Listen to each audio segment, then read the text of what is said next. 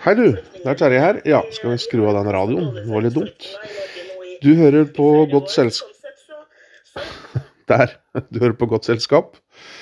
Og i dag så har jeg lyst til å tipse deg om noe som er smart for deg å bli bevisst på sjøl. Og ikke minst formidle hvis du har barn. Fordi jeg tror den, jeg vil kalle det tabba, veldig mange av oss gjør, er noe av det som ødelegger mest i hverdagen, spesielt på sosiale medier. Personlig utvikling og kommunikasjon er jo et stort felt, men hvis vi starter med dette Dette er en sånn liten enkel, kanskje ikke enkel, men lett forståelig bryter som kan eh, gi gode resultater på kort tid, eh, så lenge vi blir bevisste på det. Og all endring starter jo med bevissthet. Det er vanskelig å forandre på noe vi ikke kjenner til. Så her kommer det. Sammenligner du deg med andre? Og gjør barnet ditt det? Og svaret er sannsynligvis ja. Du vet, det å sammen I det øyeblikket du, du sammenligner deg sjøl med andre, så får du det til å føle deg veldig dårlig. Fordi du tenker at andre er flinkere eller penere eller uh, whatever. Og det er det ene som skjer, at du får, du får, en dårlig følelse. Og det andre som skjer, er at du går inn i det menneskets uh, evner og talenter og sammenligner det med deg, ikke sant, hva de har fått til. Og så blir du på sett og vis en kopi, en dårlig kopi av de, og du mister din egen unikhet og originalitet.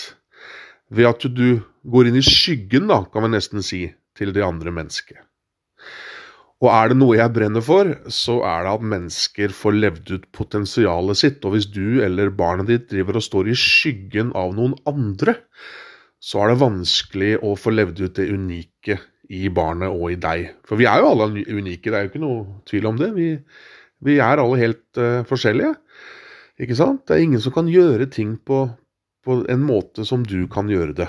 Det er kun du som kan si det på den måten, tenke de tankene, gjøre det.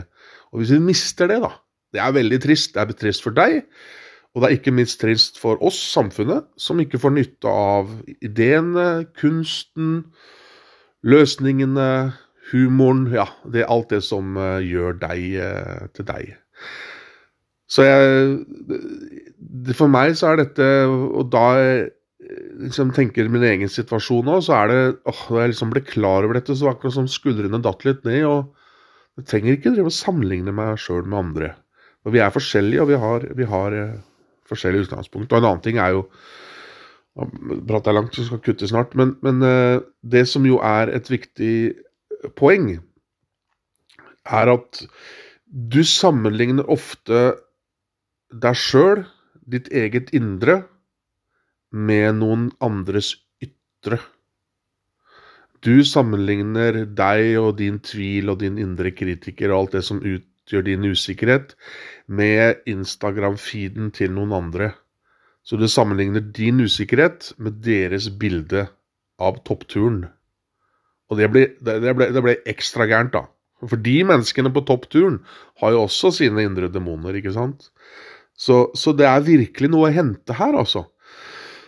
Så jeg, jeg sammenligner jeg meg sjøl fortsatt med andre? Ja, hele tida. Men det har mista litt kraften over meg. Litt, den, den, har mista litt makten over og, og, og, og det er ikke så ødeleggende når jeg er klar over at jeg gjør det, og kan ta meg litt i det.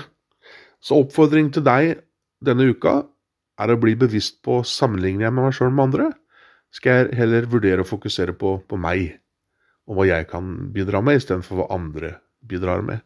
Og ikke minst kommunisere det til barnet ditt, hvis du har barn, da. That's it. Nå ble det litt langt, dette, men det, var, det er et viktig tema.